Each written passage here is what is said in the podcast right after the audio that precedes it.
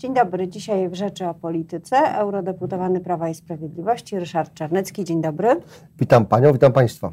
Muszę zapytać o to, co y, okazało się po rozmowie pana premiera Mateusza Morawieckiego y, w TVN. Y, otóż podczas tej rozmowy okazało się, że są przekonany, iż Jarosław Kaczyński byłby lepszym premierem niż on, Mateusz Morawiecki. Czy pan się zgadza z tą opinią? No, przede wszystkim y, premier y, Jarosław Kaczyński był prezesem Rady Ministrów. Y, był bardzo dobrze ocenianym szefem rządu, a także przez różnych ekspertów. Ale nie dotrwał.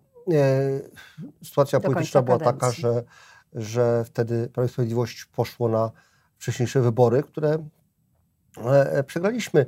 Natomiast e, e, prezes Kaczyński jako e, lider obozu politycznego jest naturalnym kandydatem na szefa rządu. Natomiast czy nim będzie, to już jego decyzja. Mam wrażenie, że prezes Kaczyński mm, będzie chciał zaproponować władzom Prawa i Sprawiedliwości i władzom obozu Zjednoczonej Prawicy aby tę funkcję dalej sprawował Mateusz Morawiecki. Mm, Ale dlaczego, skoro byłby lepszy? No może to jest nie fair e, wobec e, wyborców, elektoratu. No ja jest myślę, lepsza osoba, wyborcy, a daje się gorszą? Wyborcy akceptują ten leadership, kierowanie obozem politycznym, który sprawuje władzę w Polsce od czterech lat przez Jarosława Kaczyńskiego, no, który jest takim E, można powiedzieć, e, ojcem chrzestnym premierów. Bo jak policzyłem, to. Nie wiem, czy to jest dobre porównanie, czy nie za mocne. Nie, nie. Znaczy, tutaj pani ma jakieś skojarzenia w tym momencie niestosowne, bym powiedział. Ja mówię o tym, że, że, jest, że był patronem, e, jak policzyłem, tak naprawdę trzech prezydentów Rzeczpospolitej oraz no, kilku premierów możemy policzyć, bo przecież jednak to, że ta koncepcja wasz prezydent, nasz premier przeszła, o tej koncepcji Jarosław Kaczyński. Ale potem żałował się nie cieszył. Tak. E, e, natomiast no, oczywiście było to jakieś wyrwanie pewnego obszaru wolności e, e, komunistom. E, potem była kwestia m, mm, tego, że premierem został Jan Olszewski, bardzo mocno wspierany E, jako wymyślony przez Jarosława Kaczyńskiego. A jak głosowano Potem 4 Kazimierz... czerwca? Jak Jarosław Kaczyński głosował 4 czerwca w sprawie rządu Jana Olszewskiego? No, bronił tego rządu, mm, oczywiście, mm, e, jak, jak, tak samo jak e, moja formacja ówczesna Zjednoczone Chrześcijańsko Narodowe. Mm, natomiast to, to był jakby drugi premier, który został wykreowany przez Jarosława Kaczyńskiego, a potem byli kolejni, Kazimierz Marcinkiewicz, potem sam Jarosław Kaczyński, ale także y, y, kandydatura pani Baty Szydło i Mateusza Morawieckiego, to również są to y, oczywiście decyzje władz partii, ale propozycja... To jasne, ale kto ma lepsze... prezydentów, sześciu premierów. Ale kto ma lepsze kompetencje do bycia premierem, bo to, że ktoś stwarza premierów, to jest jakaś określona zdolność, niewątpliwie, choć nie zawsze wychodzi tak, jak chyba nie wyszło z Kazimierzem Marcinkiewiczem z punktu widzenia PiS. A co innego y, rządzenie, doglądanie budżetów, deficytów, y, wzrostu płacy minimalnej, nowego początku nowego roku szkolnego. Może nie zostaje czasu na rządzenie partią wtedy. Dlatego Jarosław Kaczyński nie chce. Y, jest lider obozu politycznego w każdej demokracji, obojętnie od systemu politycznego obojętnie od kraju, szerokości geograficznej, jest naturalnym kandydatem na premiera. E, również Jarosław Kaczyński e, jest naturalnym kandydatem na prezesa Rady Ministrów, e, ale już dwukrotnie w czasie tych czterech lat podjął decyzję, że to nie on będzie premierem, tylko osoby przez niego Dlaczego? zarekomendowane. Myślę, że pan prezes Jarosław Kaczyński do tej pory uważał, i być może będzie uważał tak w przyszłości, to już jego decyzja, że najbardziej efektywny, najbardziej funkcjonalny system to jest taki, kiedy jest y, premierem osoba, którą on zarekomenduje władzom Prawa i Sprawiedliwości, y, a on będzie liderem tej głównej siły politycznej, która no, tworzy większość parlamentarną. W takim razie dalej sprawy polityczno-personalne. Mamy dzisiaj takie trzy. Trzecia będzie najbardziej z pana podwórka, ale teraz druga. Może od tej trzeciej zaczniemy. E, nie, trzecia będzie na końcu. Tak jest. E, Zbigniew Ustępuję. Ziobro, e, któ- o którym wszyscy po kolei, począwszy od Jarosława Gowina, przez pana premiera Mateusza Morawieckiego, nawet włącznie właśnie z prezesem Jarosławem Kaczyńskim, mówią, no cóż, nie wiedział, co się dzieje w jego ministerstwie. E, Mi się to wydaje tłumaczeniem niesłychanie kompromitującym Zbigniewa Ziobrę, bo przecież minister ponosi polityczną odpowiedzialność za swoich zastępców. To nie jest jakiś sędzia sądu rejonowego, który narozrabiał, e, bo jechał na przykład po pijanemu albo, albo dokonał drobnej kradzieży, tylko to jest zastępca, którego sam mianował, e, myślę o sędzim Piebiaku. E, I tutaj odpowiedzialność może nie osobista, moralna, ale polityczna niewątpliwie jest. E, Jeżeli pani pozwoli, to się odniosę do tego porównania. Uważam, że z punktu widzenia Kowalskiego i Nowaka, opinii publicznej, e, zachowanie sędziego, który jedzie po pijaku, e, czy dokonuje, jak pani powiedziała, drobnej kradzieży, a potem unika odpowiedzialności, bo jest sędzią, aż sędzią, to jest dużo bardziej kompromitujące niż rozgrywki w środowisku sędziowskim, które, Ale nie które są. ministra. Ale nie ministra. Wracając do ministra sprawiedliwości, to chciałem powiedzieć, że będę go bardzo zdecydowanie bronił. Uważam, że y, jest y, y, Zbigniew Ziobro, pan minister Zbigniew Ziobro jest przedmiotem nagonki od wielu lat, dlatego że zastępuje wymiar niesprawiedliwości system, wymiarem sprawiedliwości. Uważam, że jest Ale uważa pan, że sprawiedliwe było to, co robiła grupa jego podwładnych wobec sędziów, którzy się nie I- zgadzają z reformą? Ale właśnie, było ale, ale sprawiedliwe? nie, ale właśnie pan minister sprawiedliwości podjął natychmiastową decyzję i e, wiceminister Łukasz Piebiak, skądinąd człowiek, który pracował nad tą ref- reformą szereg lat i tutaj akurat trzeba oddzielić e, zasługi, trzeba mu przyznać, e, został dymisjonowany. Reakcja ministra sprawiedliwości była błyskawiczna. Była reakcja zdecydowana, reakcja właśnie polityczna e, i uważam, że e, sprawa w tym sensie jest zakończona. Panie pośle, przepraszam. E, W, bodajże Nie w marcu, się. m, bodajże w marcu e, w mieszkaniu pani Emilii, która na zlecenie między innymi wiceministra Piebiaka hejtowała sędziów w, sposób zawodowy i za pieniądze, dokonano przeszukania po zawiadomieniu e, sędziego sądu apelacyjnego w Katowicach, pana Cichockiego, że jest on nękany, ponieważ opublikowała jego nagie zdjęcie w internecie. E, Sprawa wywołała niesamowite poruszenie w środowisku sędziowskim i to tych sędziów, którzy poparli dobrą zmianę. Pisali o tym, rozmawiali o tym. Chce mi pan powiedzieć, że Zbigniew Ziobro, jako e, e, ich bezpośredni szef, a też na płaszczyźnie towarzyskiej w wielu przypadkach kolega, nie wiedział o tym, co się dzieje, że, do, że takie sprawy y, się dzieją pod jego skrzydłem, no to jeżeli nie wiedział, to chyba czegoś zaniedbał. Ale, ale pani y, stawia pytanie, jednocześnie nie odpowiada i jednocześnie komentuje. Ja nie, podziwiam pytam, czy uważa e, pan, panią, pani retoryczne zdolności.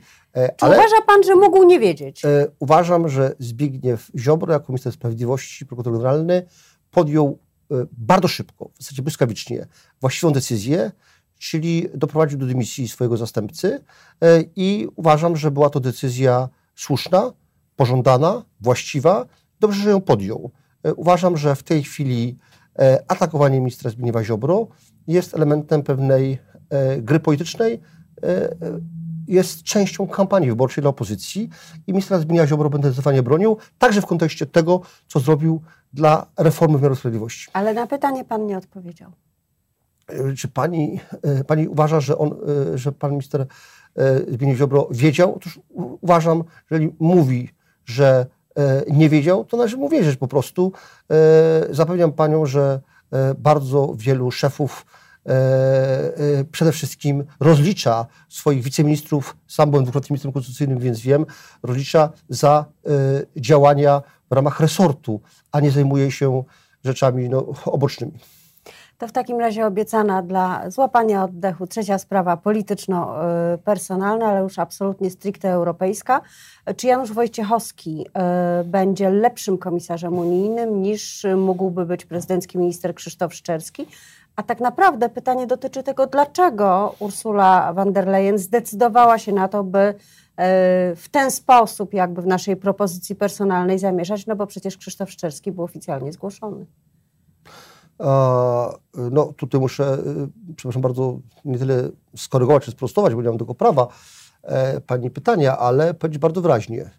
Polski rząd, polskie władze chciały, chciały teki komisarza do spraw rolnictwa dla Polski.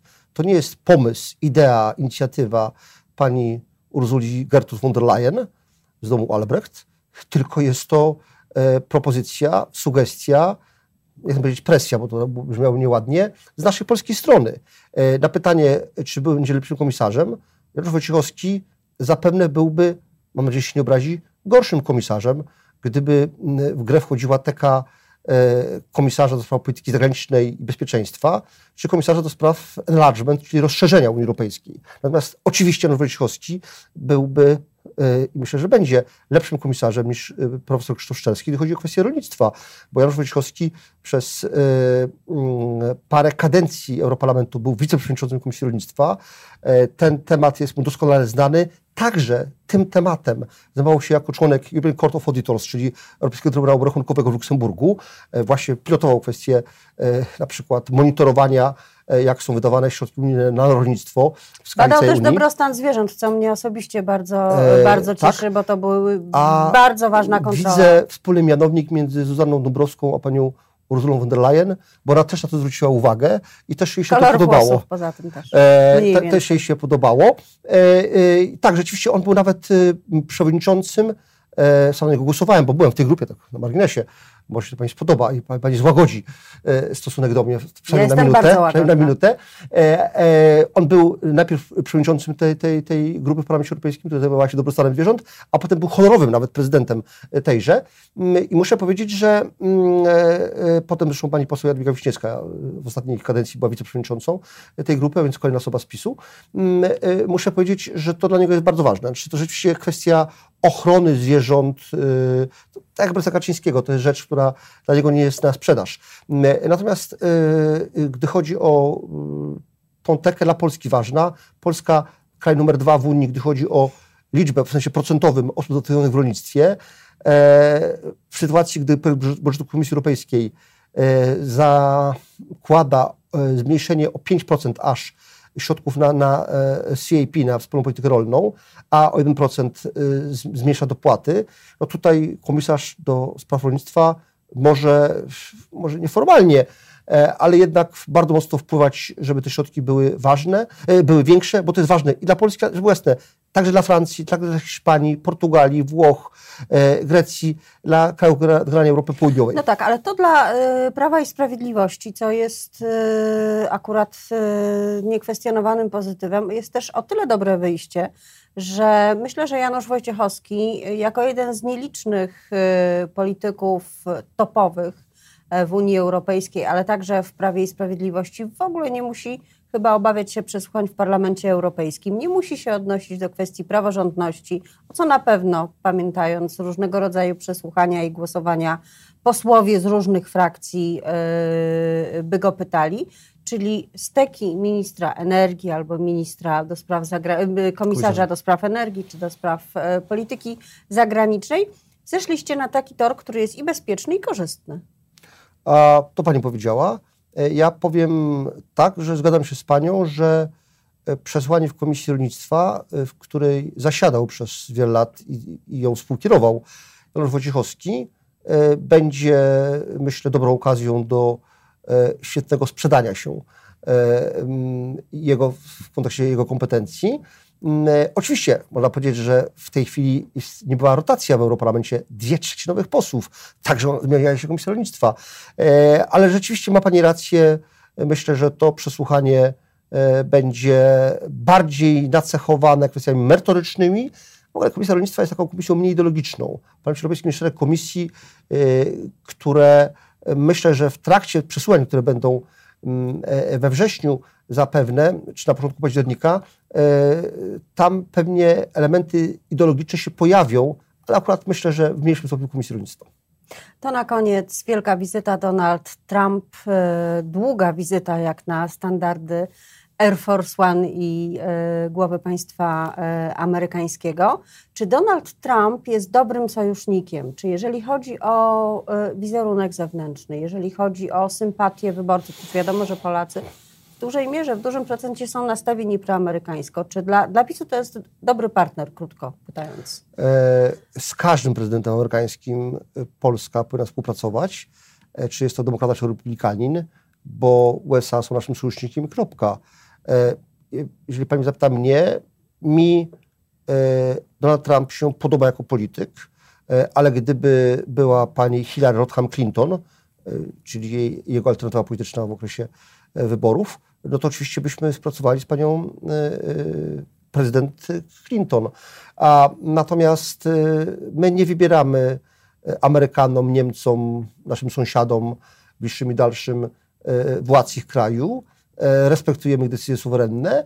Mm, e, z Ameryką jesteśmy bardzo blisko, także dlatego, że była decyzja o Brexicie i USA uznało, że Polska, dla nas bardzo dobrze, że Polska będzie sojusznikiem numer jeden w Unii Europejskiej, e, Waszyngtonu, także dlatego, że w jakiejś mierze Polska przejęła rolę, którą za prezydenta Obamy miały Niemcy, tego mostu czy pomostu między a, Białym Domem, między USA a Unią Europejską, że wtedy, no wiadomo, że ten telefon, mówiąc językiem Henry Kissingera, był, telefon do kanclerz Merkel. Teraz już tak nie jest. E, myślę, że tą rolę też w jakimś sensie przyjęła Polska. Polska jest także liderem proamerykańskiego regionu, bo cała Europa Środkowo-Wschodnia generalnie jest, e, ma, nie ma jakichś takich antyamerykańskich fobii, jak, jakie są udziałem e, części państw, czy sporej części państw Europy Zachodniej, to to wszystko powoduje, że, że USA mm, są bliskim sojusznikiem, niezależnie od tego, kto nimi rządzi, ale akurat Donald jest? Trump jest nastawiony do Polski bardzo pozytywnie, może dlatego, że ma duże ego. I jak e, wie Pani, to jest, to jest człowiek, który ma bardzo duże ego. To trzeba powiedzieć I to pasuje tekstem. do Polski, czy do Nie, aktualnej jeżeli przyjedzie do, przyjedzie do Warszawy i widzi niezgoniony, nieprzywieziony w autobusami, tylko ludzie do niego przyszli, witają go entuzjastycznie, bo tak jak Pani powiedziała, Polacy są proamerykańscy, reagują na niego bardzo ciepło, witają go serdecznie. I zaraz potem leci do Hamburga na szczyt y, G20 y, i tam y, Hamburg płonie, są demonstracje antyamerykańskie, antyglobalistów, zimne przyjęcie ze strony kanclerz Merkel niemieckiej klasy politycznej. Melanie Trump, pierwsza dama, nie może wyjść z hotelu na, na, na jakiś swój speech w pobliżu, bo hotel jest zablokowany przez altyglobalistów. No, to wszystko porównuje, tak? Ciepłe przyjęcie w Polsce, E, i e, pożary i chłód w Hamburgu.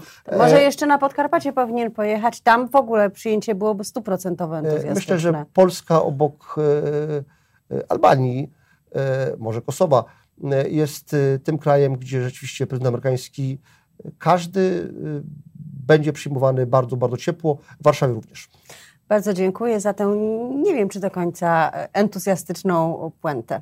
Moim gościem był eurodeputowany Prawa i Sprawiedliwości Ryszard Czarnecki.